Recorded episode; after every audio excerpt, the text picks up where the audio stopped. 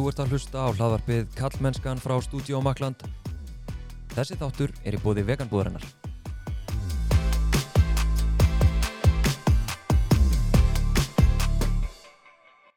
Ég heiti Þorsteinn Maff Einarsson og sé einnig um samfélagsmiðlinn Kallmennskan á Instagram og Facebook.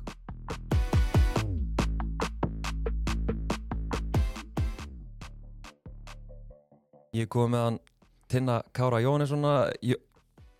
Hvað heitir þau? Ég er Tinni Jóhannesson, eða vil, Kári má fylgja Ertu ekkert að nota Kári eða? Nei, það er eiginlega bara mamma sem notar það þegar hún skammaði mig hérna einu sinni Að það? Já, svo fylgir það oft sko ef að fólk þekki mig ekki eða er formlegt að þá oft kemur Tinni Kári Jóhannesson og þá upplifir ég eins og sé að útskrifast eða eitthvað svona, eitthvað moment, eitthvað ógæslega formlegt Það, já, nú þarf ég að vera stiltur Sko, ég hef alltaf kallað Tinni Kári Ég segi alltaf Tinni Kári En þegar þú tala um mig eða tala við mig. Það, þú, þú ert ekki bara eitthvað Tinni Kári, eitthvað kalla á mig eitthvað staðar. Nei, reyndar ekki. En En þegar þú talar um mig, þá Já, notar Kári já. já, já, einmitt. Er það mistök? Nei, nei, nei, þú mútt gera það svo vilt sko. Hérna, já, bara fáir sem gera það sko. Það, Já, Þetta er líka svolítið svona eins og, þú veist, ef ykkur heitir Ég heiti Tinni og það er úrslega sjálfgjaft nafn. Já.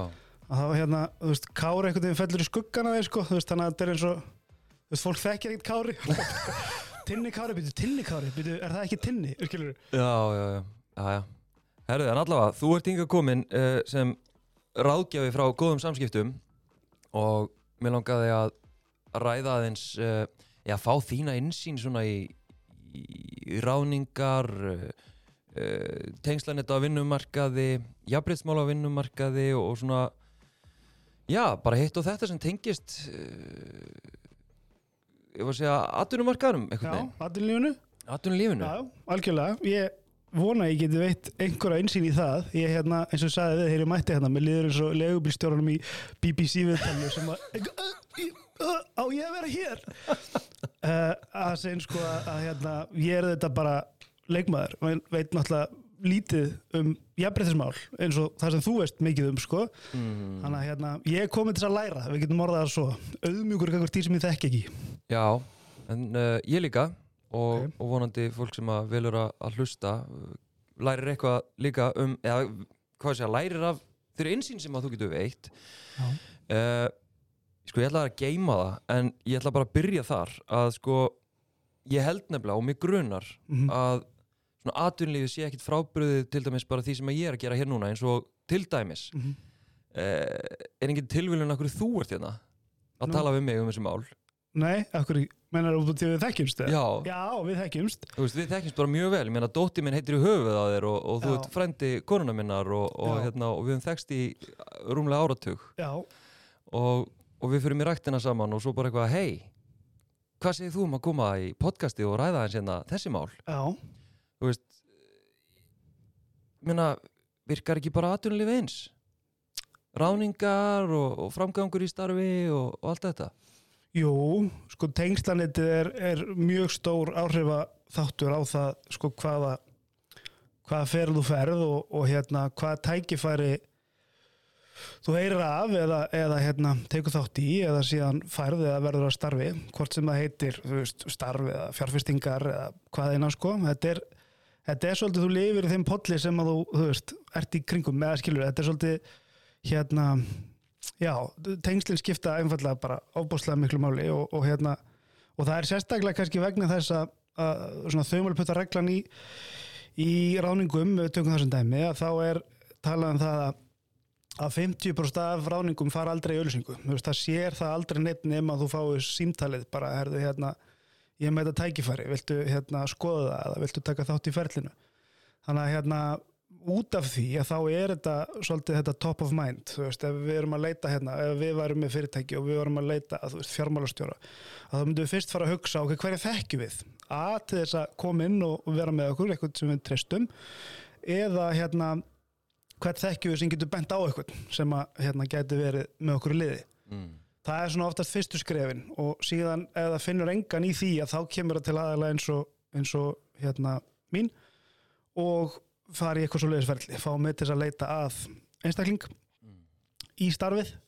Þannig að, hérna, þannig að það skiptir svolítið miklu máli ef maður einmitt vill vera tekinn í greina eða, eða hérna, kom upp í hugafólks að vera virki í þessu tengslamyndun, þessar tengslamyndun og auðvitað nýta sér degið sko, þú veist, þegar að, því kemur. Og, og hérna, það er oft talað um í þessum tengslamyndun og fræðum sko, að það er ekki sem sagt, kjarnin þinn sem skiptir máli í þessu heldur sko istalagið í, í tengslanetuniðinu því að það eru þeir sem geta opnað næstu hurðar þannig að það er mest drefni sérst í því. Já, þannig að það er svona hérna, leikil pæling fyrir fólk þess að hugsa sem er þessum pælingum eða, eða hérna, er að spá í þessu. Það er, þetta, þetta er oft talað um þetta sem gatekeepers sérst í tengslanetuniðinu, þau geta opnað næstu hurð. Ok og hérna, já, það, það er rétt það, hérna, tengslinn skipta rosa miklu máli þegar kemur að, að störfum og, og hérna, og auðvitað er það líka þannig bara almennt í atvinnlífinu, köllum það fjárfestingar eða tækifæri eða hvað sem það heitir það, það hefur mikið að, að- segja hvernig þú þekkir og, og, og hérna uh, já, bara til þess að einmitt vita af þessu og, og taka þátt. Já, einmitt. Aðeins dýbra inn í þetta eftir smá. Okay. Mér langar fyrst að heyra að þú segir mér bara hvað hefur verið að gera? Því að ég veit náttúrulega hvað þú hefur verið að gera en en er að segja okkur uh, svona hver er þinn bakgrunnur og, og, og hvað þú hefur verið að gera. Já, við skal taka klassísku spurningur á móti. Hversu langt aftur vilt að ég fari? eh, eins langt og vilt. Ú, herðu, ég fættist hérna, hérna um, sko, við auðvitað þekkjumst út til að segja, sko, við þekkjumst uh, hérna, fornri tíð. Við þekkst lengi, við auðvitað kynntumst fyrst þegar við vorum unni í æskulísgeranum Já, og hérna, þaðan kem ég upprænulega klára tómstafræði og vinn í því einhver nýju ár uh, flakka á milli hjá borginni. Um, fer þaðan inn í stjórnunastöðu hjá borginni og uh, ákveða að fara í mannustjórnun og því að ég hef alltaf haft áhuga bara á fólki og hef enn. Um, úr mannustjórnuninu fer ég síðan inn í ráðgjöf og það er kannski, og við reyndar vinnum líka aðeins með fólki á sín tíma og vorum mikið í hérna, hópeflisbraski mm að hérna fá fólk þess að fýblast hérna rugga bátnum og, og hérna upplega eitthvað nýtt.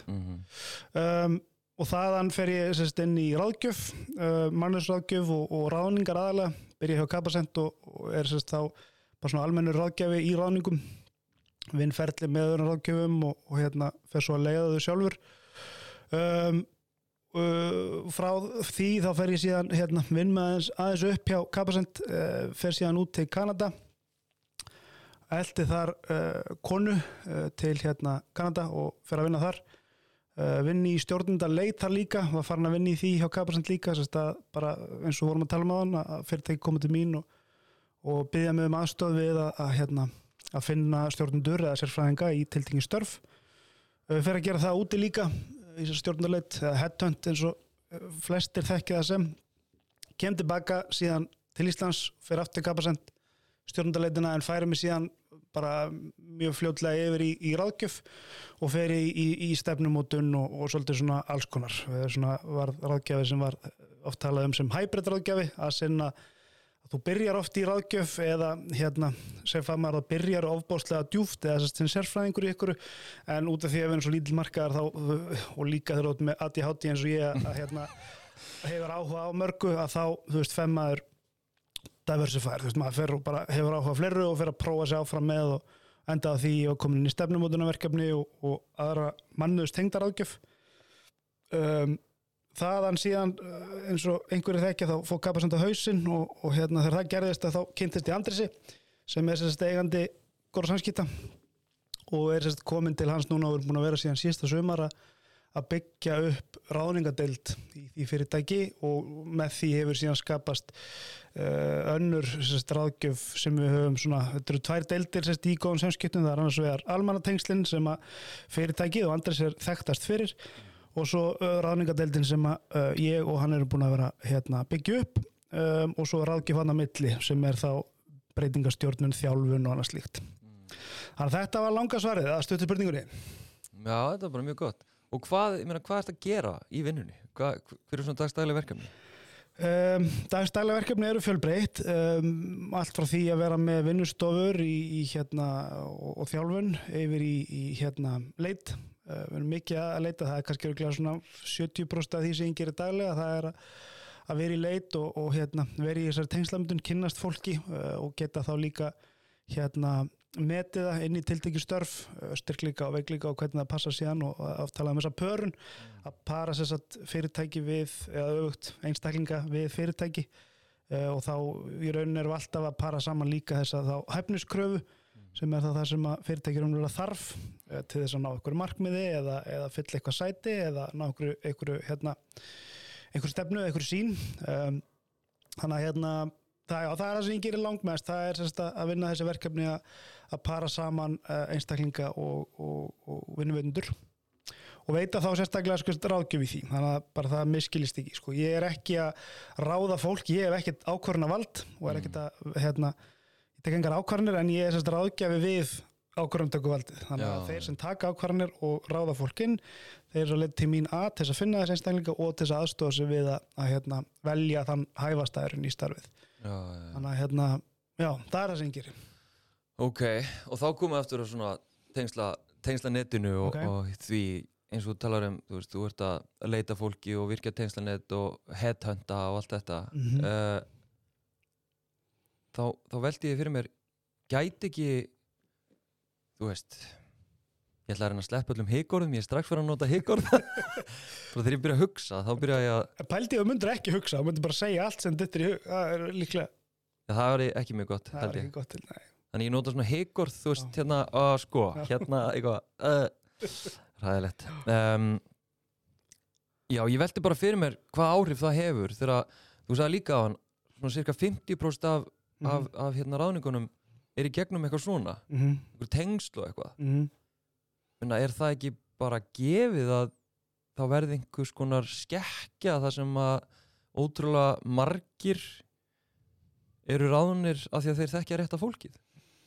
Uh, Jú, það er alveg pottjætt að einhverju leiti sko, en, en þú getur líka sett með hinn 50% út af því að við erum líka með matsvillur út um allt þannig að það er alveg sama þú veist, þú getur alveg fundið sömu vandamál í auðlustuferlunum út af því að þá erum við farin að meta fólk ólíkt og í að, þú veist, hérna já, þú veist, eins og sem dæmi þú veist að kyn til dæmis eru metin mjög, hérna, mjög ólíkt í, í matsákvörnaferli Er það bara í alvörinu þannig? Já, já, já Hver, hvernig þá?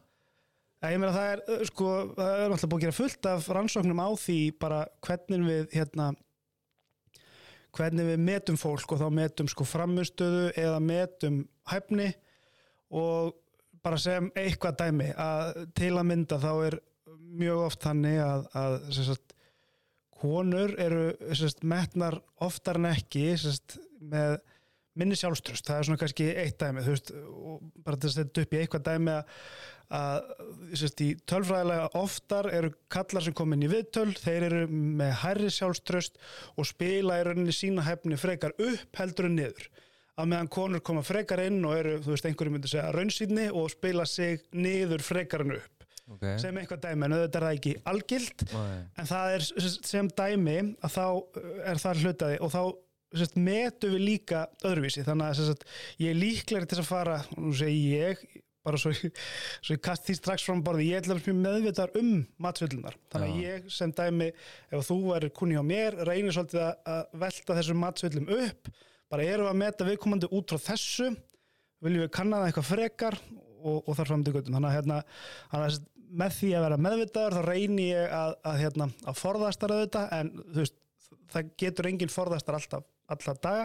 Nei. þannig að það er koma alveg fyrir. En hérna uh, já, og þá sem matsvilla í þessu væri hérna að, að, að hérna að meta uh, hæfni konu slakari út af því að hún sýnir okkur minni sjálfströst sem dæmi. Það væri sérst matsvilla með, með kynin sko, að út af því að þú veist, konan setur, hún er passívari og þú veist, hún er ekki að þú veist, stökkva út, hún er að passa sig að, og nú veit ég, ég er að alhafa ofbúrslega mikið sko, en bara til að gefa þér eitthvað dæmi að þú veist, Já. hún myndi setja á sér og, og þú veist, reyna að vera hérna fagleg, þú veist, frekar heldur en hérna að koma einhvern veginn með báðabissunar úti og ætla, þú veist, að sína þér hvað hún er, þú veist, rosaleg sko.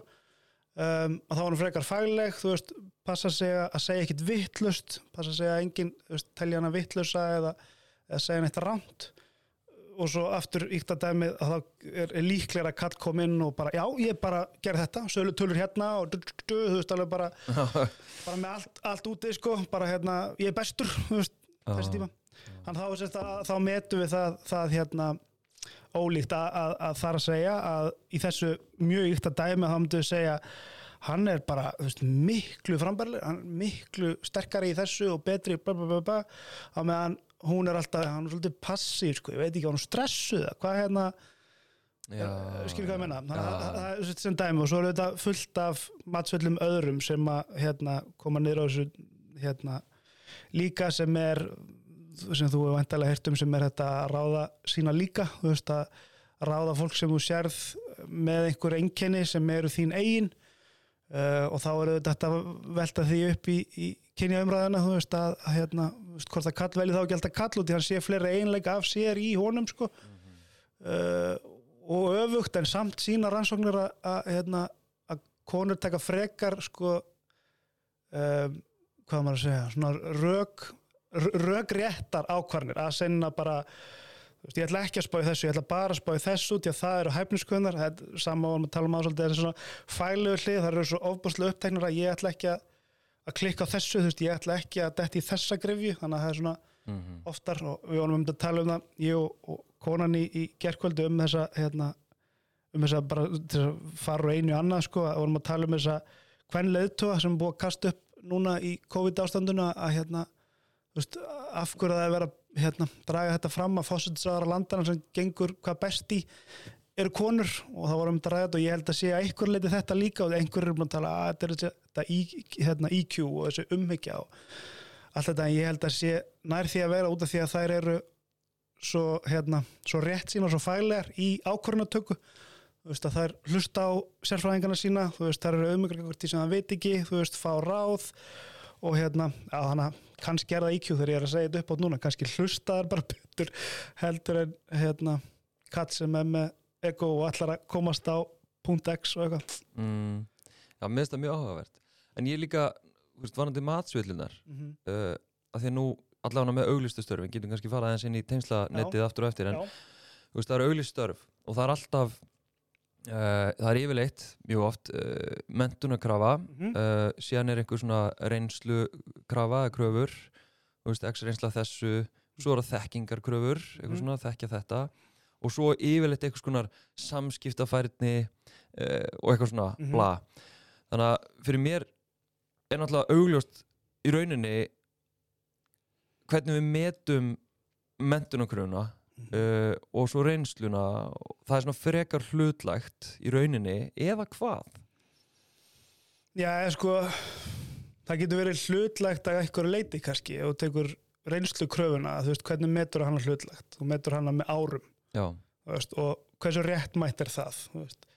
Me meikar það eitthvað sens að ef þú ert með 10 ára reynslu versus eitthvað sem er með 4 ára reynslu er hann þá jú, hann er kannski reynslu meiri en hvað þýðir það út það, það sem við erum alltaf að finna út með þessum kröfum sem þú segja er unna hæfni, hæfnin til þess að sinna þessu starfi og sinna því vel.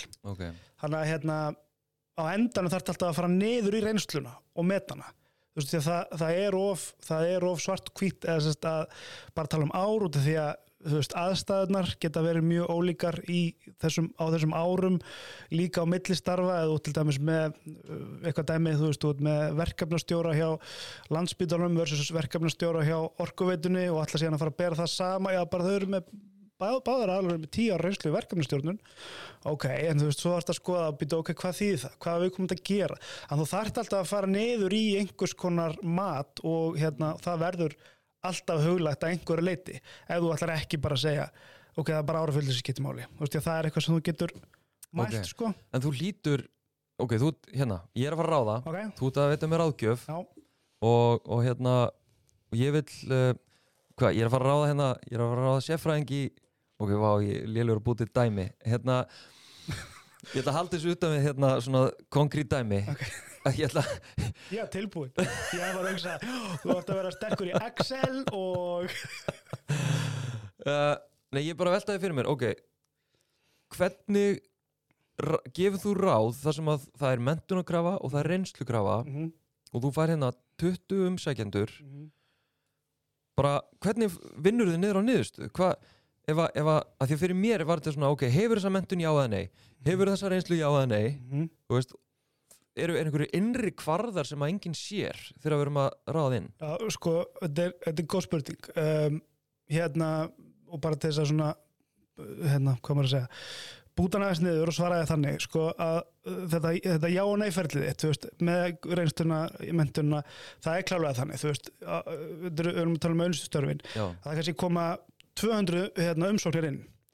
Þannig að ok, við þurfum eitthvað starf að byrja. Ok, þá byrjum við á þessu, byrjum á þú veist bara hvort að við komandi fylli þessi fimm box sem Ok. er hérna reynslan, mentunin þú veist, við metum kannski veist, íslensku og ennsku konundu út frá, þú veist, gögnunumstöðu skila og hvað hérna þannig að það er einu fyrsti hópurinn sem þú, sem þú síja niður, það eru þeir sem að tikki þessi box bara með árafjölda með, með hérna mentun og náð því. Ok, Mhm. þá við komið annan hóp og hann er kannski 25 manns veist, og, og þá ertu komin á þann stað ok, af þessum 200, 25 manns komist í gegnum fyrstu síu sem er þetta sem þú veist að segja að þá þurfum við að fara að beita einhverjum öðrum tólum. Og þá maður beitt, þú veist, einhverjum prófum eða verkefnum, maður getur gert það en oftar en ekki í örglega svona 95% tilvika á Íslandi, reyndar á Íslandi 99% tilvika, er farið beint í bara fyrstu viðtöl.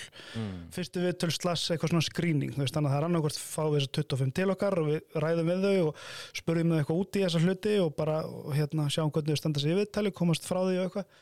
Eða við tökum skrín sem er þá bara er margir, þannig að við ætlum bara að ringja alla þess aðala fá 15 mínútur hvort og ætlum bara að garfa þess niður í þessum fimm boxum sem við tikkuðum í, bara hvað er þarna bak við þessi ár og, og eitthvað slíkt um, þannig að þá þurfum við að meta það. Ok, og þá metum við úr 25 niður í kannski 10 eða 5 og þá förum við aftur í viðtal eða einhvers konar matsþátt um, verkefni, próf bla, eitthvað, þannig að við vinnum okkur alltaf niður í sko litltöluna sem er þá kannski eru tveir eftir. Og Ok, það er sérst samanburðaferli í gegnum það allt. Um, ok, já, ok. Hvað er með það? Já, við þið Við þið, við þið, við þið Þarna var krúsilatri, þú ert Ok. komin Ok, ég skildi þarna úr 200 í 25 Mm -hmm. Það er bara frekar basic. Ok, Þegar, að þið nú ertu búin að segja mér að, að kallar þeir koma frekar með byssunar uppi og Mhm. konur er frekar passívar og þú talar um matsvillur og allt þetta. Mm Úr 25 í segjum 5 ok. Uh, Þú veist að allt 25, uh, öll þessi 25 manns uh, uppfylla mentun, reynslu og einhverja grunn mm hæfni, færni. -hmm. Þú veist, á, næsta skref, Já. hvernig metur, þú veist, hvernig En Sko, þú getur gert það á marga ólíku vegu en út af því að ég held að spurningin snúist um það, sko, hvernig get ég uh, metið þessa einstaklinga og ekki dottið honi í einhvern veginn allar þessar grefjur Já, að þá sem dæmi myndum maður nota ef við ætlum að fara í viðtalsfasan þarna að fá þetta fólk til okkar að þá, þú veist, beitu ákveðnum aðferðum um, þar sem við erum að bera saman epli og epli, þú veist, og passa okkur að hérna við séum örgla með einhvers konar réttmæti mm. inn í hérna uh, mats aðferðin okkar uh, og þú veist, ef við förum í viðtali þarna þá myndum við nota staðlað viðtal eða hálfstaðlað viðtal þannig að við séum alveg örglega að bera saman svör sérst, aðila um hérna sömu svör milli aðila. Og þá er talað um að, að það sé langt best í þessum fasa og í þessum viðtölum að nota þá þessar stöðlegu spurningar og að beita uh, dæmum, veist, alltaf að fá raundæmi, þannig að þegar til þess að forðast að við sem ekki bara tala um árafjölda sem dæmi í reynslu þá ætlum ég að spurja þau um, þú veist, Steini getur þú gefið með dæmi um, um hérna, atvik eða verkefni þar sem þú hérna, síndir hérna, frambærilega þjónustu eða frábæra þjónustu. Já, og þá þarfst þú að koma með eitthvað dæmi. Og ef mér finnst dæmið svona ok, þú veist þetta var ágætist dæmi, ekkert svo mikil einsýn ok, áttu annað dæmi. Og þá er ég fann að safna saman gögnum frá öllum sem eru þá dæmi og vonandi er fólk undirbúið og kemur bestu dæmin sín þannig að maður geti farið að bera saman já ok, við komandi gerði þetta og hann gerði það út af þessu og hann beitti þessum aðferðum til þess að ná því. Hann fekk þessa með sér bla, þú veist þannig að þá ertu farin að krifja aðeins sko, hvað er að baka þessa reynslu, hvað hefur við komandi gert og hvað var hans þáttur í því? Var hann bara fylgjandi, var hann þú veist að koma með sitt að borðin, Jari? Ok, þetta er samt doldið svona krúsjala því að nú, Ok. hérna, veist, ég vann lengi á Reykjavíkborg Mhm. og hætti þarna 2018 eða eitthvað, ég, ég farið uh, í nokkur viðtöl Mhm. hérna, bæði að þeim með þótti störfin áhugaverð en Mhm. líka bara því að mér finnst mikilvægt að vera bara doldið svona fá þess að þjálfun, já, sækjum störf. Uh, og þá er mitt hef ég tekið eftir, það er mjög oft þetta já, áttu dæmi um Mhm. það sem reyndi á samskiptafærniðina, eitthvað svona. Og, og þetta er svo áhugavert að því að að því að sko, ef að ég tek bara þú veist, ég man ekki neitt dæmi eða tek bara eitthvað svona umulegt dæmi já, þá er henni, ert þú sem hérna, ráðgjafi í ráðningunni. Já, þú veist, þá situr þú uppi bara með kannski að hafa dóldi skakka mynda mér. Já, það er bara þannig. En er eitthvað hægt að sjá í gegnum það? um, Já, sko það er talað um það er talað um í þetta hefur svolítið að gera með það hversu fær þú ert hinum með borðið að taka viðtöl. Mm. það er til dæmis rannsóknir hafa sínt það að um, það sé bara alveg gríðalega stór áhrifaþáttur á það hvernig þú stendur þess að þú ert að sækjum starfið Mm. og ég er að taka viðtalið að það hversu fær ég er að taka viðtal hefur ofbúslega mikið að segja um hvernig að þú ert metin en bara líka hvernig þú stendur í viðtalinu. Já, já, þannig að sérst, ef ég er ógislega stífur og stressaður og spyrir þessum sérst, í yfirherslu þá er meiri líkur því að þú komir ítl út úr því. Já, uh, sama gildur um bara veist, hversu fær ég er að sjá þú veist, þegar þú ert honum stressaður og ert Mm. fann að svara stuttutu stressaður já, já. get ég látið líða betur get ég spurti frekar úti til að fá meira frá þér þannig að það er ótrúlega stór þáttur í það hversu vel þú ert metin í, í viðtali er hversu góður viðtalstakarinn eða ráðgjafin er uh, að, hérna, fá hluti framhjöður sko. þannig að þetta er að einhverju leiti þá er jú, við erum hann að fara að meta huglega þætti en þetta er líka ákveðin list að, sinn, sko, að þú verður að þjálfa þig sem aðeins til að taka viðtöl og að greina, það er oft einmitt út í að við erum nú að tala um þetta og rannsóknir þá er til dæmis talað um það að mannveran er ömurleg í að meta fólk. Að sinn að ef ég á að meta þig sem persónu og ég á að lesa þig bara svona, mm, já ok, hann sittur svona mm, já ok, hann er glæpa með þér skilur Já. að við erum ofbúslega léli að greina fólk. Ok. En þú getur þjálfað upp í að vera góður að greina ákveðna þætti mm. þannig að hérna, uh, þú veist, það er oft tekið dæmi í þessum rannsóknum um að sko, chimpansar væri betri heldur en við út því að þeir myndi allavega giska í 33% tilvika rétt sko, og við erum glæð 20 og eitthvað bara á einhverju, hérna, út af fordómum og, og svona eitthvað þannig eða? já, þetta, bara fordumum en líka bara út frá bara matsvillum, bara almennt. Þú veist að Já. ég með þig út frá því reynslu sem ég hef og bara, já, herði, ég var hérna einu svona að tala við eitt sem var svona, þú veist, líki svona sokkum og þú veist, satt líka svona skilur og eitthvað, og þá er ég alltaf farin að tengja já, herði, hann er eins og hérna Gústi glæpamaður sko, Steini já, skilur, eða hann er svona, út af því að ég þekki eitt sem satt líka svona. Þannig að það er alls konar sem, sem hefur að gera þarna með, með hérna uh, með þessi blessuðu viðtöl sko. Einmitt. uh, og nú er búin að algjörlega týna þræðinum af hverju vorum að tala um já, sko förum bara hérna að því að nú erum ennþá að tala um dálítið svona auglistörf og það sem eru hæfniskröfur og allt þetta. Já, uh, síðustu, síðustu árin uh, ég man það. ok, það var við vorum ennþá að þræða okkur niður í gegnum ferlinu. Já, þú, varst að spurja um Herru, við erum, við erum ennþá með 25 manns hérna erum Nei, og ég er búin að segja það núna að hérna, þú veist, þá förum við með, segjum það, við komum í gegnum svona viðtal, þú veist, en, en það er eins og vorum að tala um, það eru fullt af þáttum hann sem hafa áhrif á það, þú veist, hvernig við metum fólk Mhm. og hérna, annað, önnur góð, hérna, góð, hún er endur ekkert svo góð, en önnur áhugaverð matsvilla sem við höfum er þessi confirmation bias, veist, Mm. að sinna þegar ég hitti þig, veist, og á fyrstu sekundum þá er ég búin að ákveða bara steinis svona, veist, hann er bara hann ógislagur þessu og þessu ekkert sérstakur þessu.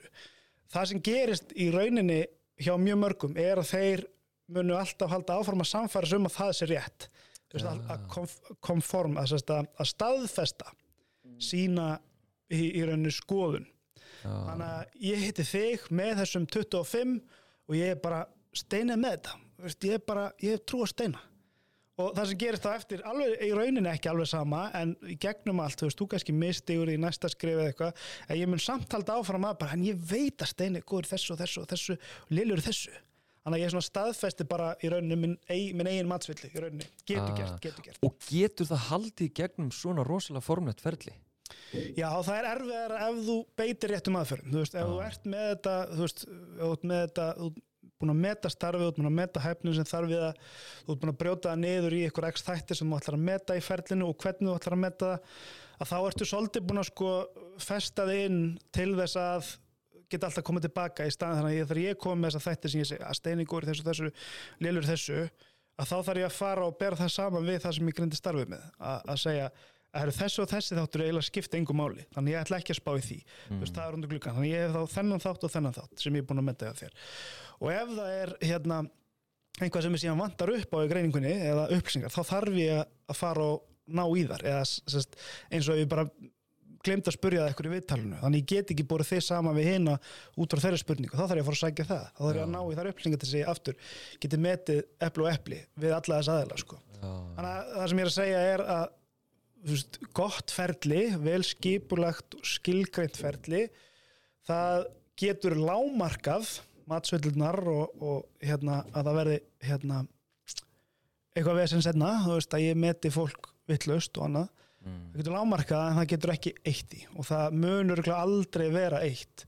Einhverjur hafa talað um það að, að við hefum bara að fá hérna, eiga inn, þú veist, bara tæknina, nýta tæknina og hún, hún hljóti nú að geta reiknað sér niður á það að bara þetta er hæfasti. En þú veist, tæknin er bara eins góð að þeir sem búa hana til. Þannig að þú veist, Já, þá uh, er, hefur verið sínt fram á það sérst, að þeir sem eru byrjar að nota veist, sjálfvirknivæðingu eða eiga til þess að hjálpa sig við eitthvað einhverja svona ákvörðanatöku að það sýnir sig bara að matsöldunar þær bara smitast inn í formúlan sem þú setur inn í kerfið sko. þannig að hún gerir alveg sömu að einhver leiti villur og þú hefði gert í, í, í, í þínu ferli út af því að það bara smitast inn í, í tæknina sko. ekki náttúrulega nefnum myndum, þú veist, ef við erum komið ógeðslega fræðilega inn í þetta en um að eiga myndi fá eitthvað nýjan kóða sem væri til að eigða þessu og þá myndum við kannski lámarka en það voru kannski komið langt inn í framtíðina með, hérna, með tæknina. Allavega, en að, Já. þú veist, þegar við erum búin að taka þetta að þá sem ég endar, bara út því við erum að tala við erum að vinna okkur niður í þessa, þessa tvo til þess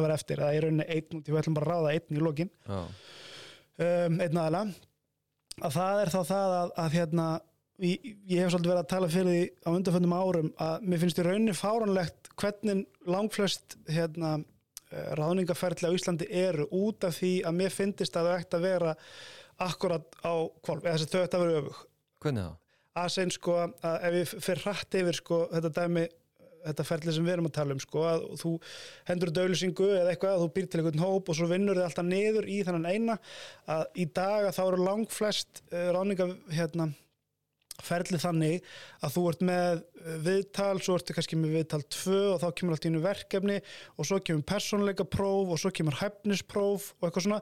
Þannig að þetta snúa þessum a- matsaðferðum við að segja, herðu, ég ætla ekki að taka mitt mat inn fyrir en á setni stigum. Ég ætla ekki að fyrir viðtöl fyrir en að ég er búin að kanna hæfni viðkomandi. Að sinn að ef við snúmum svo við, að þá þegar við erum búin að henda út auðlýsingunni, að þá myndum við fara bara beint í persónleika próf, hæfnispróf og þá er að þú veist bara hversu góð við erum að vinna með tölur, uh, hérna rökkrita hugsun og alls konar svona sálfræði próf sem eru notuð í svona persónleika próf og út frá því er ég kannski búin að búa með til eitthvað konar útreikning af því bara sem raðar bara upp með að við fórsendunar, með að við að ég þarf að hafa aðeila sem er með sterkur í þessum hérna persónuleika einkennum, ég þarf aðeila sem er með þessa hæfni mjög sterka þú veist, góður að greina tölur og vinna með þær og eitthvað svona þú veist, hátt IQ eða bla þú veist eitthvað, að þeir tíu topp 10 eða topp 25 það eru þeir aðeila sem ég ætla að taka í næsta. En ekki bara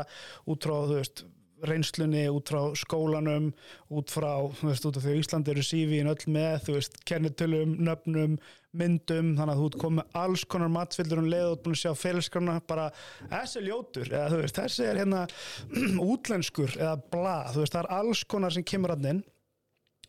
Um, þannig að sem sagt, ég hef svolítið verið að tala fyrir því akkur snúfis ekki bara við? Og það er einhvern tæknifyrirtæki og stærri fyrirtæki erlendis farið að gera þetta þú veist bara að um leið og þú sækir um þá farið bara búm, tvö próf og þú tekur þau þannig að það sem ég skoða fyrst ef ég er að aðstofa fyrirtæki eða ég er fyrirtæki sem er að ráða ég kíkja fyrst á það þannig ég sé ekki fyrst að kíkja á fyrirskannar og láta einhvern veginn matsveilina mín að koma upp og, og hérna fordóma og allt það dót sko. að, að, það allan að myndi strax lámarka eitthvað sko.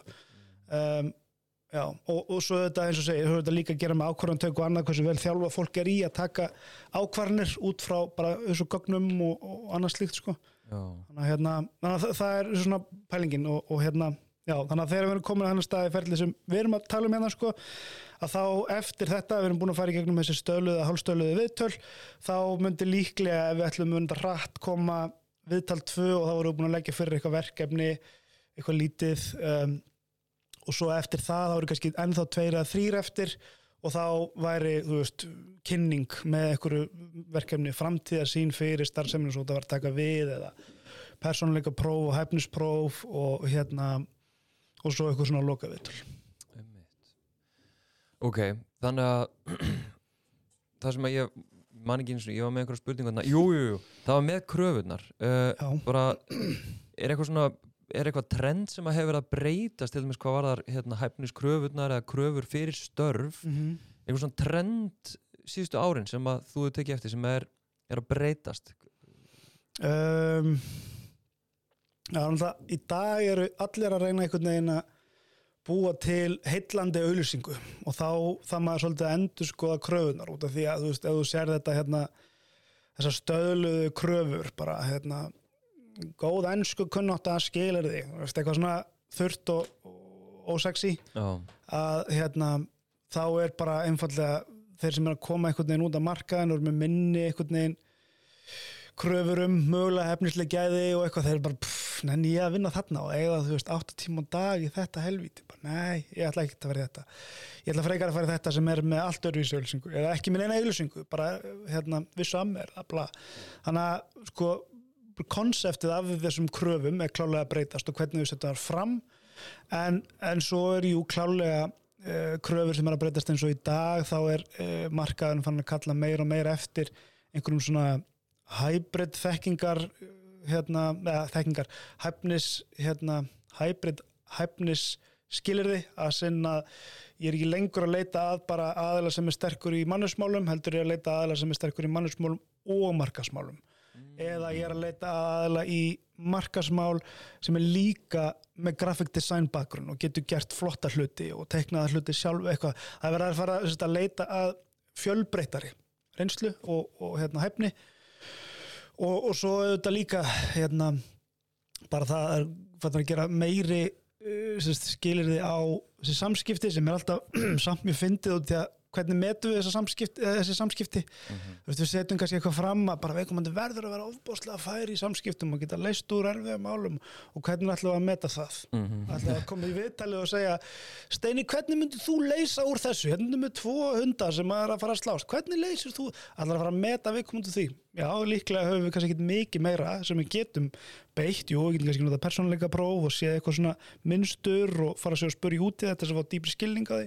En allavega það er sem sagt, ein krafan sem kemur uh, skýrt fram í svona ákveðinni þróun að það er, það er bara meiri raunveruleg krafa kannski, það hefur örugglega alltaf verið í auðlýsingum sko og hefnis skilurðum að vera góður í samskiptum. Mhm. en núna er einhvern veginn ríkari hérna, ríkari krafa um það vegna þess að við höfum meira að velja úr og um, nýri kynnslöður eru bara einfallega betri í sömum samskiptum heldur en til dæmis eldri. Og þar hefur auðvitað líka að gera aðlögunar hefni og annað sem er endar ekki tengt svo mikið aldri. En, en hérna já, þannig að já, það er svona kannski tvent sem maður getur bent á Ok, sem eitthvað sem er svona að að breytast sko. Ok, en að því að nú hef ég heyrt svona, ég er, ég er að fiska sko, nú hef ég heyrt svona uh, uh, já, ég, veit ekki eins og hvar ég hef heyrt það að, Mhm. að mentunin sé farin að skipta minna máli mm -hmm. og reynslan einhvern veginn sé nú að farin að skipta meira máli sem að mér Já. er ótrúlega áhugavert í Já. samingi við að nú eru konur að útskrifast og bara síðustu, síðustu ára tugi hafa konur verið me miklu meira hluta þeirra sem eru með háskólamentun og konur eru almennt betur mentaðri heldur en, heldur Já. en kallar sem að síðan við sjáum að skila sér ekki endil í launum því að minna mentaði kallar eru jafn launaháir og mjög mentaðar konur, veist, þetta er ótrúlega áhugavert þannig að trendið, ég var að, að reyna að fiska eftir því er, er það eitthvað sem þið, þú finnur í, í þessum ferlum? Já, um, en það er sko að hluta til er það kannski líka vegna þess að ég er ekki mikið að vinna með hérna stöður sem eru það sem ég kalla svona entry level, þú veist það sem fólk er að koma beint úr skóla. Þegar að fólk er að vera að ráða unga sérfræðinga eða aðalega sem þurfa veist, ekki að vera með meiri þekkingu, reynslu og, og hæfni heldur en kannski að í, mar- á markanum í ár eða jafnvel ekki Já, að þá skiptir mentun öllu veist, því að það, ef þú ert ekki með neina reynslu til þess að tala um eða nein verkefni þá verður að hafa mentunina já, en, en það sem ég heldur þetta fiska er sko uh, þú veist þetta að einu sinni eða fyrir ja, 10, 15, 20 árum þá var talað um bara mentun skipt öll og þess vegna var Já. öllum ítt í, í skólana Já. og það var notað sem eitthvað svona að herðu þú veist hérna þú kunna mínu ertu ekki með neina mentun þú færði engan framgang hér sko Kalli, hann er nú með hérna hann er með háskólapróf í viskitafræði frá Köpen eða eitthvað Já. og, hann, honum er lift upp og svo einhvern veginn, núna er það að breytast að einhver leiti að því leiti að, að mentun verði minna metin ég er sko ég, ég, mér finnst það mjög áhugavert. Er þetta út frá eh, finnst áhugavert að setja gleru kynjafræðina á mig og spá í svo út frá því. En jafnfram þá er ég samt alveg sammálaði að um leðu komin lengra inn í ferliðin þá skiptir mentunin bara minna máli. Þannig að það er ekki þar með sagt að mentun skiptir ekki máli en hún skiptir minna máli vegna þess að gagvart forspárgildi á framistöðu að þá er mentunin að orðin svo langt í burtu en líka það skiptir það bara meira máli hvað þú hefur gert á þessum fimm árum sem þú ert búin að vera í ykkur starfi sko. Þannig að en þetta er, þetta er klálega áhugavert gagvart því en uh, sko ef, ef við setjum þessi gleru aftur á mig og, og, og dveljum aðeins við hennan punkt sko að sko ég held að flestir og nú er þetta mjög langt frá því að vera vísindalegt sko mm. en alltaf skoðar þá sem að uh, eiga fjármagnið og setja í veist, stjórnum og, og hérna, kallar og konur að þá er alveg mjög mörg af þeim sem eru ekki með mikla mentun þú veist, þau kláruðu kannski bara á sínum tíma stúdentspróf eða kláruðu kannski bara á sínum tíma uh, BS eða BA en hins vegar bara he- hefur þeim gengið vel veist, á þessum 30 árum sem þau eru búin að vera að vinna í ykkur tengslinn koma þá inn um, og líka bara ákvarðantaka og, og að standa sig vel. Um, þannig að hefur mentun skipt svo miklu máli fyrir, þú veist, eða er það kannski meira bara þegar maður lifir sjálfur í þeirri bublu að einhvern veginn vera að brjótast upp í fyrsta lag stjórnunar að þá er þetta allt í einu rosa mikið haldið á þessu sem eitthvað svona, eða þú ert ekki með meistarabráð og kemst ekki í þessu stjórnunastöðu þá er fólki haldið svolítið niður í þessu svona millilagi fyrirtækjastofnuna þar er þetta svolítið ríkt sko en ef við erum komin upp í toppan það skiptir þetta eiginlega engum máli sko. Það er ekki, ja, ég held að tengslinu mitt skiptir frekamáli í topplæginu sko. Já, er það? eða eða, eða, hvað sagði ég núna, að mentur skiptir mestum máli þar. Nei, að, að, tengslinn skiptir mestu máli Já, í já, efsta stjórnuleginu ég, ég, ég, er með, ég með rauk fyrir því. Já, góttu með þau? Að- Þetta er nefnilega mjög áhugavert.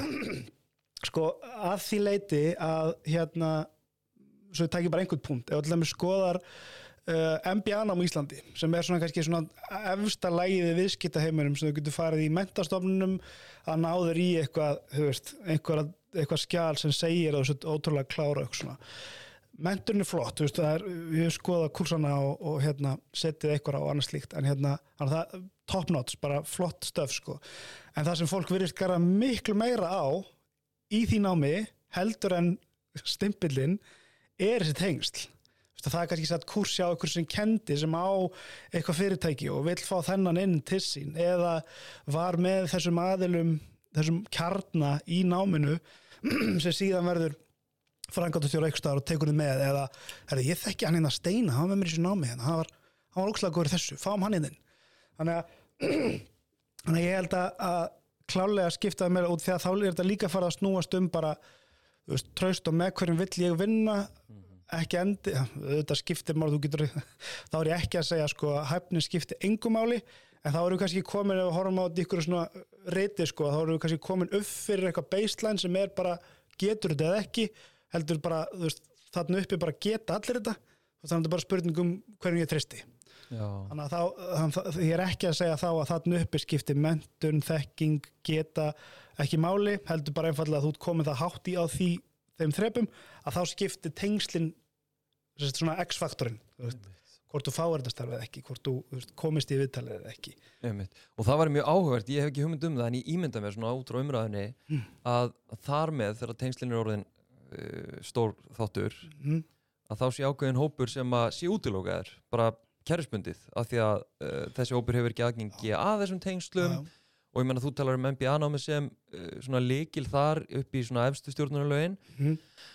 ég menna hverju fær í MBA-nám það er fólk sem að á yfirleitt nóga peningum því þetta er dýrt nám. Já, já, eða er hjá flottum fyrirtækjum stofnur sem bara kosta það, bara borga fyrir þau. Já, og þá vandalega til þess að fjárfyrst í þeim til þess að Já. koma þeim herru upp Já, já, veist, þetta, þetta lítur að vera eh, ákveðin hætta þá á ég veit ekki einsleitni á, á efstu stjórnarlögunum Jú, það er, það er alveg rétt sko, en þetta eru þetta veist, kerfi sem er búið til til þess að útiloka eitthvað og að þetta er samkeppni, skilur þannig. Hún er já, kerfi spundið að íta fólki eitthvað fönnel til þess að verði eitt sem standa eftir eða eitt eða, fáir sem er að upp út því að við getum ekki snúið píramidunum við og vera með, þú veist, 400 frangatastjóra og einn þjónustu fulltrúa það er ekki hægt. Þannig að kerfið er svolítið búið til til þess að veist, þeir sem að ná lengst eða veist, gera best að þeir eigi að enda einhvers staðar að nógulega sko. En uh, jú, jú, ég menna þú veist, bersýnilegasta dæmið um þessa einsleitni er náttúrulega bara ja, eitt af góðum dæmum væri bara að skoða kaupöllina þú veist, bara einhverja konur þar? Nei, það var ein eða tvær það eru fannar út veist, þannig að einsleitin er klálega kynjalega séð. Og, og mjög ok, tökum bara það að því við vitum að, að það eru bara kallar í, í kaupillinu, hvað eru þetta 14 fórstuðumenn eða, já, eða hvað líka? Já, sem, að- sem að stýra peningunum á Íslandi. Má ég að segja það. þeir stýra ekki pening, eða sérst, uh, sko, fjármaks eigendur stýra peningunum ekki forstjórarnir eða sérst, Ah, ah, ekki, er það? Ég meina, fyrir hvern, fyrir hvern vinnur forstjórun? Það sem eiga peningin Stjórnina, já, hver stýra stjórninni? Eigendur, já, þeir eiga peningana. Ok. Skilur þannig að, jú, auðvitað eru sínilega þú veist, ef við bara löpum át á göttu, skoðum blöðin skilur, hver er stjórna? Jú, þeir sem snúa að okkur það eru stjórnundinir, það eru forstjórnir það eru frangandastjórnir já, en á bakvið þá er ykkur sem að í rauninni eru að setja línuna þú veist. við erum að fara hingað þú, veist. þú ert að vinna í okkar umbóði til þess að ná X og Y. Ok, förum þá bara úr þessum kalli sem að stjórnar Aha. í stjórnina, stjórnin er yfirleitt meiri hluti kallar, eða ekki? Jú, og eigendundir, það er sko löglega náttúrulega nei eða, jú, meiri hluti klálega en það er orðið mun betra þetta út af því að, að það hefur sett ákvæði um stjórnar á Íslandi að þau, þau eiga að vera nálagt 50-50 þó þau séu það ekki alltaf. Uh, mjög sjaldan. Þetta er sko, mér minnir þegar við erum komin í svona semst, stóru fyrirtækin Aha, að þar eru hérna, kynahlutvöld í, í stjórnum yfirleitt jafnari heldur en í já. minni fyrirtækjum. Já. þannig að þegar þú ert með, ég man ekki, undir 50 eða undir 10, ég man ekki, já, þá er þetta bara orðið 85% kallar já, og 15% konur. Veist, þannig að þá reiknaði með að það sem að í svona, veist, nú þekki ég ekki bara þennan nei, bransa sko, en, en ég ímynda mér Mhm. og þú kannski leiðir eftir að þú veist betur að það sé að kallar farið dálítið mikið með völdin hvað varðar þetta efstalag það sem er mikið um peninga? Mm, já, ég held að það sé alveg að stóru leiti rétt en hins vegar, svo ég tæki það aðeins nær mér að hérna, við fáum til dæmis ofbúslega mikið af símtölum það sem er verið að byggja okkur um að finna stjórnar konu ok, þannig að það er klárt sko það er klár hreyfing já, í áttina að þessu en út af því að við erum að tala um tengsl að það eru svo fáir sem hlutvarslega sem er að nýta sér aðalega eins og okkur og það eru þetta fleira á markanum heldur en við já, í þessu, þú veist, að finna fólk. Um, en það eru bara hlutvarslega svo fáir sem nýta, það eru svo mikið fleiri sem nýta sér bara, hvern þekki ég? Veist, ok, ef ég kall og ég er í stjórn hversu mikið af konum þekki hlutvarslega líklega ekki, þú veist, eitthvað það er ég heldur sem mjög fáir kallar þetta er stjórnum að bara, já, á 90% af mínum vinum eru konur, já og svo líka bara veldi ég fyrir mér í alvörunni með það sem ég hef heyrt Mhm. að sko að, hérna, að þarna, þegar við erum farin að að tala um þessa hluti Mhm. að þá fari menn að horfa á sko, býtu nú er hann á batneigna aldrei, er ég að fara að missa hann út í, í fæðingarólof uh, get ég unni með konum, ég menn það er svo erfitt að vinna með konum það er bara kvart undan áreitni. Mhm. veist, að, að þarna fari þessi atrið að, að skipta máli eða hvað já, meðal annars þetta er svona þessi betri uh, sannleikur sem að ég held að sé ákveðin áhrif á þáttur Já, alveg, alveg líklega en það er veist, það er, ég held að það er að setja alla í þessa kategóriu þú veist að kallar í þessari stöðu séu allir að hugsa þetta Já, veist, já. En, en klálega er það að núti, ég myndi alveg, alveg á, geta áætla það að sé ykkur að núti sem að fá þess að fluga hausin en til við erum að tala um áðan, við erum að tala um ákvörðantöku að þá komið með þessir fordómar þessar matsvillur eins sko. Já, þannig að hérna þú veist, að grípa sig og bara herðu byrju af hverju er ég að hugsa um að hún fari í barninglu, byrju fyrir ekki kallin líka í fæðingarólof Nei, hann er bara að gera það ekki. Nei, ég veit það, en, en ég er að að hjálpa kallinu sem er að taka ákvörðun að, að grípa sig, það er að segja, að segja í ákvörðunatökunni um, þú veist, þegar ég er að meta fólk í stjórnun eitthvað með það, að grípa sig í þessari hugsun og bara byrju skipti það máli. Nei, það skiptir engum máli, þess aðeins getur orðið frábær fyrir mig í, í eitt ár, svo kannski fyrir hann í eitt ár í burtu og kemur svo aftur, já, Þannig að, að grípa sig í þessari skekkju að það skipti ykkur máli þú veist, því að þú tekur fæðingarálöfið sem dæmi, þú veist, ég meina kallin getur bara farið eitthvað annað, skilur eftir eitt ár eða sex mánuði skilur, þannig að um, en mér gruna bara að svona hlutir Mhm. þú veist, nú erum við MeToo hérna hávært og, og hérna og konur enn áttur að lýsa svona þeim veruleika sem að þær búa við Mhm.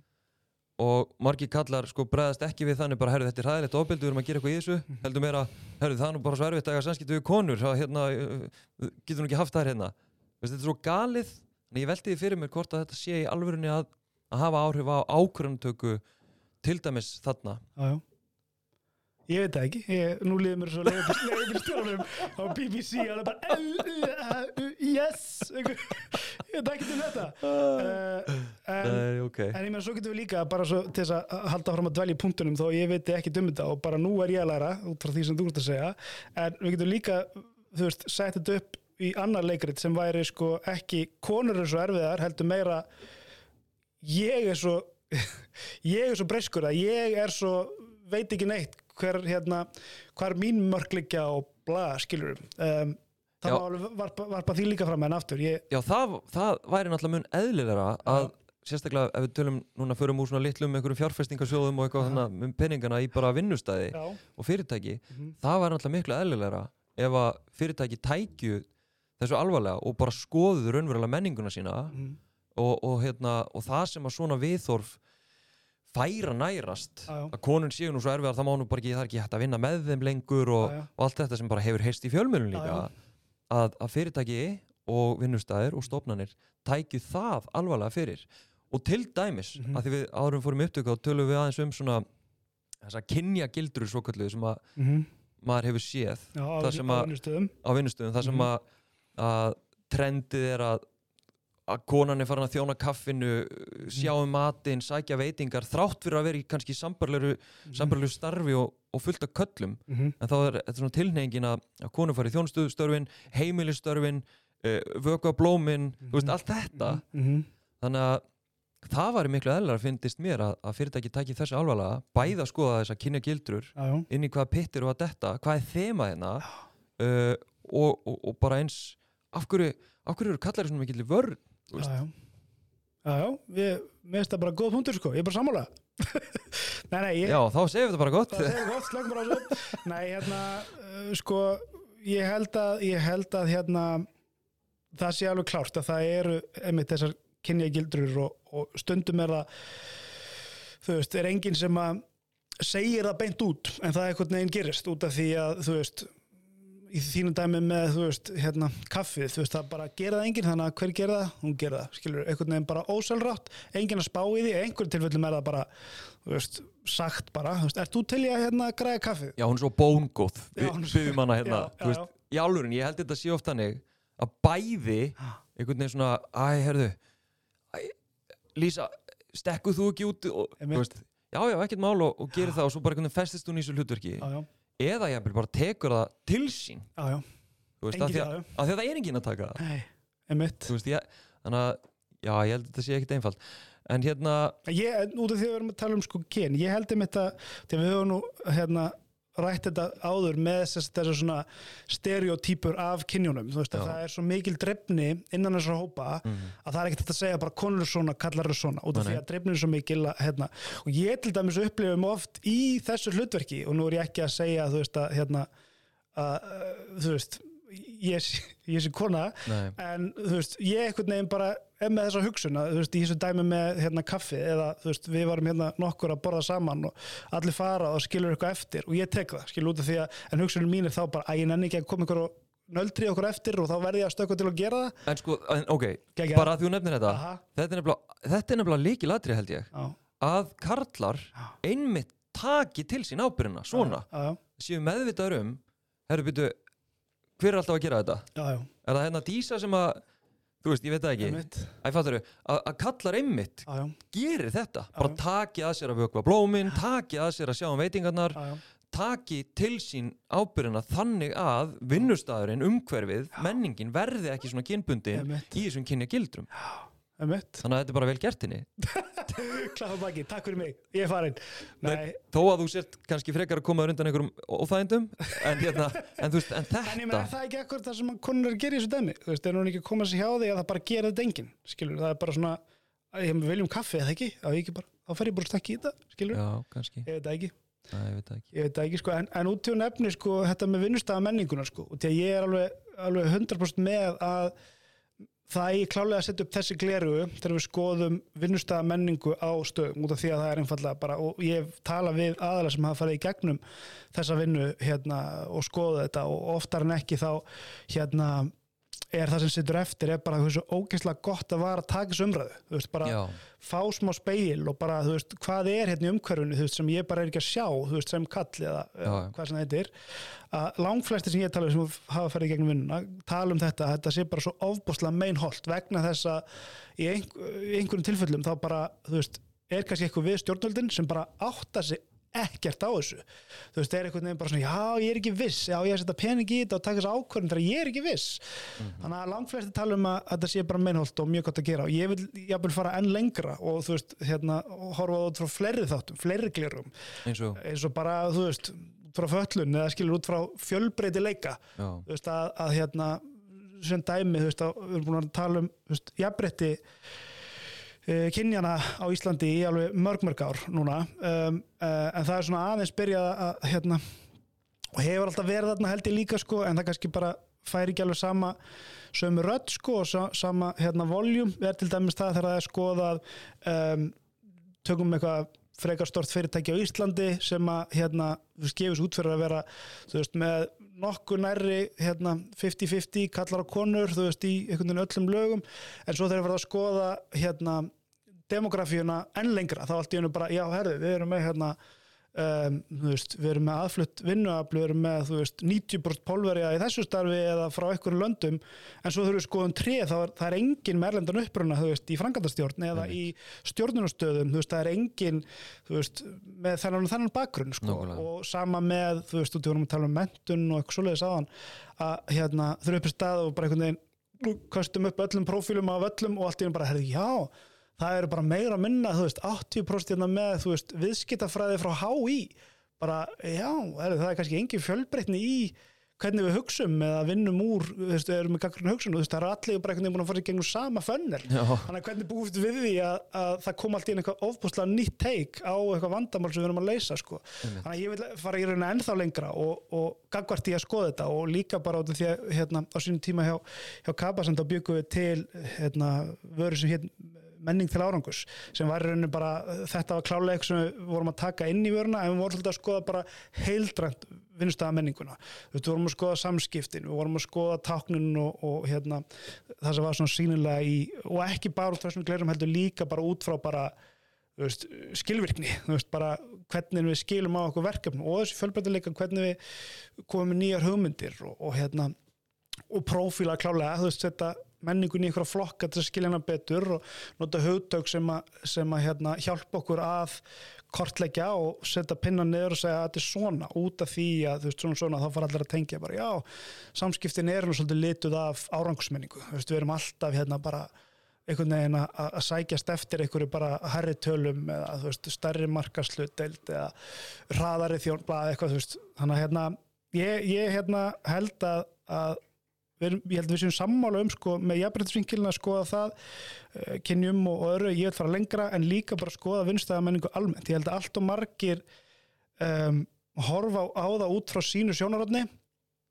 og bara þetta er svona. Eins og bara gott dæmum þetta er þegar hérna framkvæmdastjórnir fara einar og sér í einhverja stefnumótun eða einhverja greiningu á hvernig fyrirtækið er og átt að sér ekki á því að þau sjáu þetta bara sitt sjónarhótt þú veist þau sjá bara úr sinni skrifstofu hvernig þetta virkar.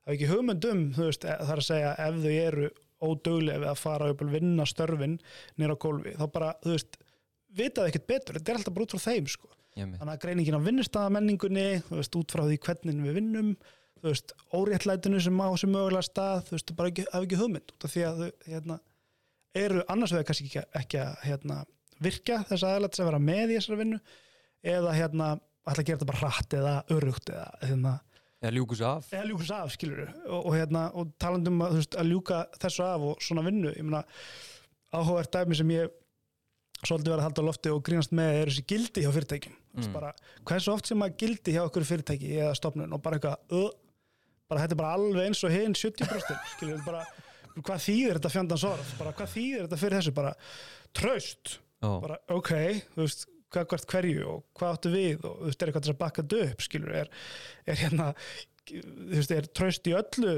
organisationu, er allir að vinna eftir þessu, tengja starfsmennu við þetta? Mhm. þú veist, bara, nei, ég er enda treyst engum hérna. Sem dæmi, þú veist, þetta er, þetta er svo oft e- ekki svo oft, þetta er of oft Mhm. innan tómt eða bara svona eitthvað sem lúkar vel. Já, og þarf einhvern veginn að fara í nafla sko. ég til dæmis er mjög hrifin á því sko eru fyrirtæki sem að ég hef séð eins og bara til dæmis út í Norður Ameríku sem eru hérna sem eru svona ofbóðslega beinskeitt varandi það hvað þau eru og hvað þau eru ekki. Og, Mm. og ég er jafnvel fara það langt að segja bara veistu, það er ekki allir sem að vilja vinna hérna, það er ekki allir sem að munu elsku okkur, skilur en við erum þá allan að trú okkur sjálfum. Veist, þetta erum við, veist, gott eða slæmt en við erum allan að berskjöldu gagvart í það er kannski orðið. Já, einmitt. Einmitt. Já, við erum búin að fara við völl. Já, og þú einmitt opnaði þetta á, á jafnrétti. Ég var svona að hamra á því með sko hvernig markaðurinn og tengslaniti væri að útiloka konur og, og svona ákveðna einsleitni. En hérna, en þú einmitt bendir á líka að, að það er alls konar önnur einsleitni, aðrir vinklar, svona valda tengst já, já. En hvernig getum við breytt því? hvernig getum við uh, þú veist, þegar okkur tekst illa veist, að, að hérna að, ég veit ekki, opna á á fjölbreytni þá út frá kynjavingli mm -hmm. Uh, alls konar bæjasar og, og, Mhm. og fordómar og, og forréttinda fyrring eða Mhm. for, hérna, forréttinda blindni Mm -hmm. veist, hvernig förum við í það að auka enn frekar á fjölbreytni og þannig að uh, já, fleiri sjónamið komið stað Aftur, bílstjórin BBC Já, ok, ég bara Nei, hérna hvaða bílstjór er þetta? Að þeir sem veit ekki hefur verið að fara á YouTube og, og finna hérna leigubílstjóran sem rampað inn í viðtali á BBC og bara eitthvað tindur og bara eitthvað, hún byrjar að segja sérst frá málinu. Já, bara, ó, svo erum við með hérna þennan hérna og hann er hérna doktor í hagfræði. Og hann er alveg bara og kom svo í ljós að hann var bara leigubílstjóri sem held að það væri bara komið eitthvað allt annað. Og bara situr hann alveg bara uh, já, uh, erfitt að svara hérna, já. Þau held að ég var með doktor. Já, eitthvað svona, þú veist, hann kom fyrir eitthvað málefni og bara var engan veginn með það. Hérna og það finnst þess að þú er ekki teikt við á það þegar ég var að segja þetta.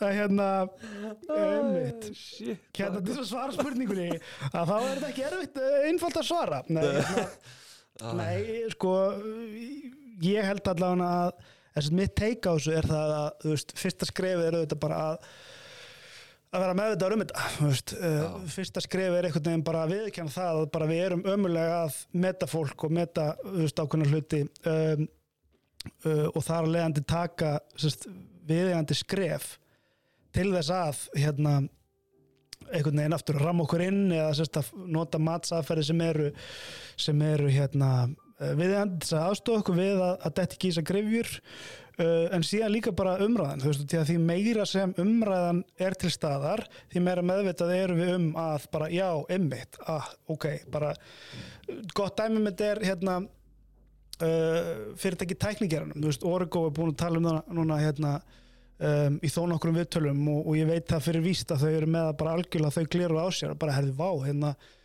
tækniheimurinn er bara, veist, allt of bara þétt skipaður af köllum, ekki það að þeir séu slæmir og að það er að vera bara eitthvað hend út heili deild og taka konurinn heldur að við erum að vera meðutuð um þetta og út af því að við erum meðutuð um þetta að þá er það það sem er í topp þremur, þú veist, sætum til þess að hafa þegar við erum að ráða. Bara Já. að hérna getum við fundið konu.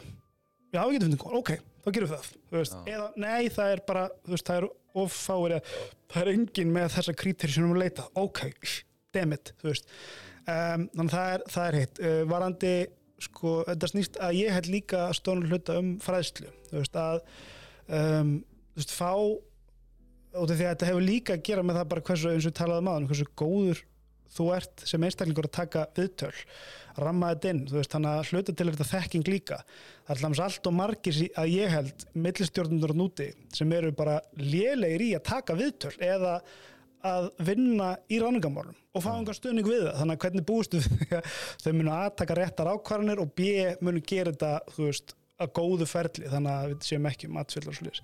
Við getum ekki eh, það er erfitt að gera það kröfu um aðalega sem eru aldrei fengið þjálfin í því eða, eða fræðslu, þannig að já, það er svona nokkri punktar sem ég myndi halda að, að getur hjálpað okkur í þessu. Um, en svo er þetta líka bara að nota aðeila sem er á markaði sem geta aðstofað við þetta. Samanber, við erum að tala um stjórnina og svona efstu lögin. Um, veist, ekki einskorðaði við þitt tengslanett farðu og fáðu bara hérna, mat eða ráðgjöf annar staðar. Það sem þú bara herðu þú veist, ég er með þessa hérna en þetta eru þú veist, fjóri kallar og, og, og ein kona, menn vantar fleiri konur til að raunverulega hafa sko raunverulega samanburð á þú veist, báðum kynjum eða öllum kynjum, þú veist, út í það er farið skilur um, að fá það þá inn í ferlið, þú veist, bara ég er með alltaf einslutan hóp bara, og það er kannski eitt, sem að, þú veist, svo í plögginu aðeins Já. að það er eitt af því sem að við, hérna, Andres höfum verið að gera hjá góðum samskiptum og við dæmis erum með óyfirlýst markmið um það að við viljum taka þátt í því að koma fyrstu konin í kaupall aftur taka þátt í, í því ferli uh, en við notum um þetta aðferð þá til þess að gera ferlin hérna, réttmætari gagvart þessu með því að presentera það bara fleiri konur veist, bara, já, já. um, horfa á listan sem við erum komið með eða sarpin á fólki og segja bara er þú veist, nokkuð jaft eða er fjölbreytileg í þessu já. ef svarið er já, geggjað, förum þá að vinna í að trimma niður þannig að hérna uh, já, og svo þetta snýst þetta líka um, það tengslanett að þá vera virkur í því að skapa tengslanett sem er öll kyn, eða bæði kyn, eða hvernig svo lítur að, að hérna, uh, gagvart því að og þá er sérstaklega við að um sérst, aðalega eins og veist, okkur sem eru í þessum geira að vera ekki bara að mynda tengsl við annað kynið út af því að þá þegar upp er staðið hver er top of mind, jú, það er þetta veist, þessi sami sarpur sko. Að vera með fjölbyrðilegi því líka sko. Þannig að hérna, já, þetta var randið um það. Hvernig við stöðum þetta, djók? Já. Svo er ég hérna með þig, vinn minn, að tala um þessi mál. Já, tveir kallar að tala um jafnbreytti. Nei, ég meina, ég bara held í alveg þetta sé daldið því miður eitthvað sem við, við gerum. Og ég hérna ég var alveg smá alveg, oh shit. Ég er bara að fara að tala um þessi málefni og gaggrina þau Mm. en er samt í pittinum sjálfur sko. Mm. sagja vinn minn, já, já, já, þannig að kannski er líka hugmyndir sem við höfum um okkur sjálf önnur en, en síðan við praxirum. Þú veist, við viljum vel en, en svo bara erum við í pittinum. Já, ég meina klálega, ég meina við erum örgulega breyska því leiti en uh, svo kemur þetta kannski líka niður á þátt sem er hérna uh, þú veist þekkir einhvern annan sem er að vinna í ráðningum og hefði geta rætt þessi mál sem er kona sem þú heldur að þú myndir fá sömu dýnamík og geta sagt, verið eins örug með að segja meira af ykkur drastli Nei, ég, ég, nei, nei, ég viðkynna það alveg að hérna, það var allan enginn sem kom í hugan á mér sem að hérna, þú veist, í tengslu við þetta að ég var að hugsa um að ég að bæta einhverjum inn sko. Já, já, já, og ég náttúrulega, þú veist, þetta var svona hvað ég sé, skilur, hei, erst þú ekki til, go, oh, let's go. svo bara erum við mættir, já, þannig að hérna já, já, ég bara kasta þessu upp. Já, ég er með þetta, með þetta góða vinkill sko. Ég hérna þetta er með svipaða vinkill og við andrið tökum mjög oft þegar við erum að tala um eitthvað fólk að þá erum við, hérna, grípið okkur og bara, já, herðu, nú erum við hérna tveir bara að tala um þetta. Hérna, ættum við kannski að fá okkur annan inn að taka nýja vitt í umræðina, skilur. Og það er held ég, þú veist, út í að spurjum, veist, hvernig við breytum þessu. En það er, aftur, fyrsta skrefið er að, að vera með þetta um þetta. já, Til þess þá að fá fleiri rættir eða um, fá fleiri einmitt. Um, og þú getur ekki fengið öll sjálfur, þú veist, þú getur ekki einsleitir einstaklingar tveir saman að tala, þú veist, þeir, þeir fá ekki fjölbreytt, fjölbreytta sín, skilur, þeir fá bara sína sín. hérna Ég vil þetta hugguleg tónlist svona undir maður. Ég er alveg, já, veist það ekki? Jú. Svona ró, róar okkur niður. Þetta er svona nánast, já þetta róa klálega niður og mjög viðeigandi að þetta sé blár hnappur svona hérna gráblár. Mm en hérna já, ég kannski bara fyrir að opna mig. Þetta er svo kósi djók. Já, hvernig var það, Tinni, hvernig líður þér? Líður. Þér núna eins og legubýrsturunum Nei, nú líður mér svo vittalins í búið og hérna, og hann einhvern veginn er komið frá þessu og bara hjúkett, mér var ekki kastað út Nei, nei. Já, já. Ef ekki að segja þetta bara gott, er eitthvað svona sem þú ert að brenna inni með? Nei, ég, ég bara held ekki sko, það er hérna bara gaman að fá að koma þetta til þín í Makland stúdíóið, þetta er hugulegt. já, bara takk fyrir að koma. Með þess að hérna, þetta er svona full kallægt hjá þér, ertu búin að gera þetta sjálfur bara? hvað er svona kallægt við þetta? fjólublár veggur Ok, þessi fjólblóða veggur var hérna, viss var með þetta á vegnum hérna, Nei, það er ekki rétt, ég málaði þetta sjálfur. Það er haugalí. Ég sverða Ok, vel gert. Fjólblóða er svolítið þinn litur. Já, minn litur. Fallett Takk. Herru, Tinni Kári Jóhannesson Ráðgjafi hjá góðum samskiptum. Takk fyrir spjallið. Takk fyrir mig